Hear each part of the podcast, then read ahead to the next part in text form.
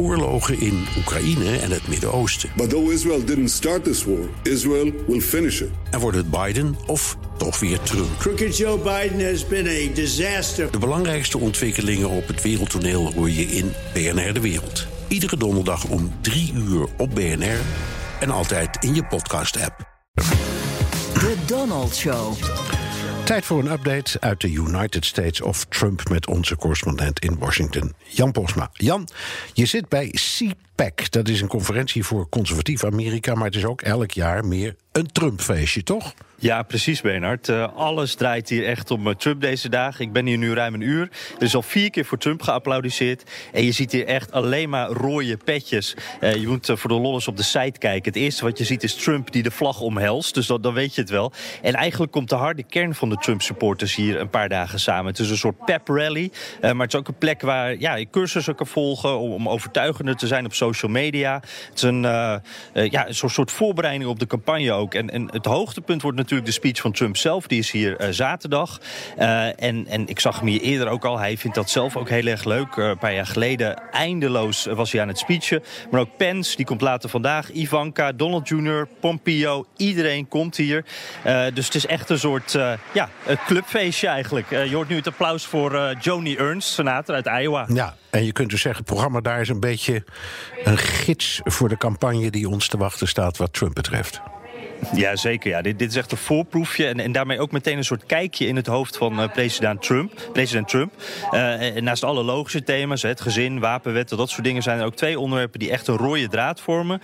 Uh, het grootste is socialisme is slecht. Dat is ook het hoofdthema eigenlijk. En het is echt een soort red scare hier, Bernard. Dat, dat komt natuurlijk door Bernie Sanders, de linkervleugel van de Democraten.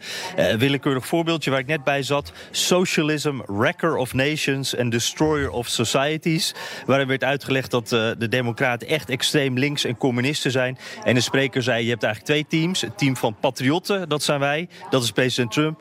En het team van de kameraden. En dat, dat zijn de communisten, dat is Bernie Sanders, dat zijn de Democraten. Het, het hoogtepuntje van de dag hier wordt de definitive uh, capitalism versus socialism rap battle. Dus Geweldig. ik ben heel benieuwd. Ik ook. Je zei het al, je, je, duikt als het ware in het hoofd van Trump. Hè. Je kunt zien hoe hij denkt, hoe die campagne wordt. Um, is het tweede grote grote onderwerp dan impeachment? Ja, precies. Ja, dit is echt een hele reeks aan panels en discussies over impeachment.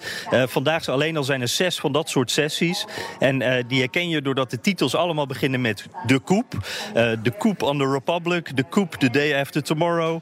de coup Rosenstein en Comey, The Empire Strikes Back als een Star Wars film. En zo gaat het eigenlijk de, de, hele dag door.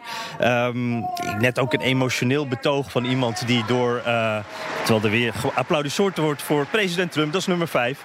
Uh, van een uh, uh, oud medewerker uit de, de Trump-regering. Die zei van de FBI stond bij mij voor de deur. Ik werd echt erin geluist. dit is een koep van Muller geweest. En nou ja, daar werd ook groot applaus op gegeven. Die vrouw kreeg een staande ovatie. Nou, het is altijd leuk om te kijken naar wie niet wordt uitgenodigd, zoals je het vertelt. Ja, uh, sowieso hier is niemand natuurlijk, maar dat had je al geraden van CNN, MSNBC en de New York Times. Ik bedoel, maar wel van BNR. Ze slaan dit wel, ja. maar ze mogen niet uh, uh, paneltjes leiden. maar vooral wat opvalt, Mitt Romney. Hè? Dat was natuurlijk de enige republikein die tegen Trump stemde in de impeachment. er gingen meteen tweets en posters rond dat hij nadrukkelijk uninvited was. En daar zie je ook hoe CPAC veranderd is. Want in 2012 was hij nog een van de belangrijkste sprekers. Toen was hij nog presidentskandidaat. Gaf hij nog een speech waarin hij uitgebreid uitlegde hoe conservatief hij wel niet was.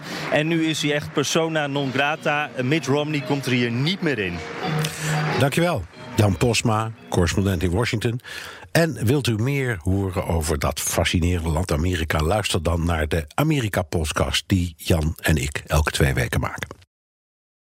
Ook Hugo Reitsma vind je in de BNR-app. Superhandig die BNR-app. Je kunt alle programma's live luisteren, breaking nieuwsmeldingen.